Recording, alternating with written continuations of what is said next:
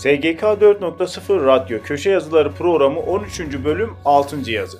Noyan Doğan'ın kıdem tazminatında yeni dönem başlıklı yazısında yer verdiği konular özetle şöyledir. Kıdem tazminatının tavanı 10.596 lira olarak açıklandı. 2021'in son yarısında ise tazminat tavanı 8284 lira olarak uygulanıyordu. Tazminat alabilmek için çalışanın işveren tarafından işten çıkarılmış olması gerekiyor. Çalışan kendi isteğiyle ayrılırsa kıdem tazminatını alamıyor. İş yerinde bir yıl çalıştıktan sonra kıdem tazminatına hak kazanılıyor. Erkek çalışanlar askerlik, kadın çalışanlar ise evlilik nedeniyle işten ayrılma halinde kıdem tazminatı alabiliyor. Emekliliği gelen çalışanlar da kıdem tazminatını alıp işten ayrılabiliyor. Bunların dışında ise çalışan emeklilik için gerekli prim gün sayısını doldurduğunda yaşı beklemeden kıdem tazminatını alabiliyor. Çalışılan her tam yıl için 30 günlük giydirilmiş ücret üzerinden kıdem tazminatı ödeniyor.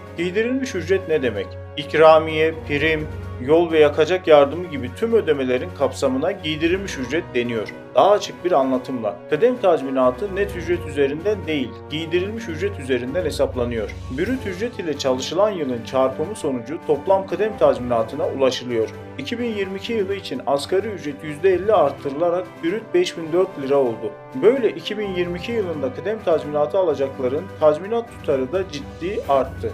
Örneğin Asgari ücretli bir çalışan iş yerinde 10 yıldır çalışıyorsa 50.040 lira tazminata hak kazanıyor. Kıdem tazminatından ise binde 7.59'luk damga vergisi kesintisi yapılıyor. Gerekli prim gün sayısını dolduran çalışanlar kendi isteğiyle işten ayrıldığından kıdem tazminatı alabilir mi? Alabilirler. Şöyle anlatayım. İlk kez sigortalı olduğu tarih 8 Eylül 1999 tarihinden önce olanlar 15 yılı doldurup 3600 prim gün sayısını tamamladıklarında kıdem tazminatı alıp kendi istekleriyle işten ayrılabiliyorlar. Farklı iş yerlerinde farklı sürelerde çalışılsa dahi toplam çalışma süresinin 15 yıl 3600 prim günün doldurulması tazminat almak için yeterli. Tazminat son iş yerinizde ne kadar süreyle çalışıyorsanız o süre üzerinden hesaplanacak.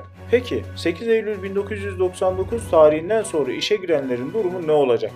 İlk sigortalı olduğu tarih 8 Eylül 1999 ila 30 Nisan 2008 tarihleri arasında olanlar ya 25 yıl çalışıp 4500 prim günü doldurduklarında kıdem tazminatı alabilirler ya da çalışma yılına bakılmaksızın 7000 prim gününü doldurduklarında iş yerinden kıdem tazminatı alıp işten ayrılabilirler. İlk sigortalı olduğu tarih Mayıs 2008 ve sonrası olanlar da 5400 prim günü doldurmaları halinde kıdem tazminatına hak kazanırlar.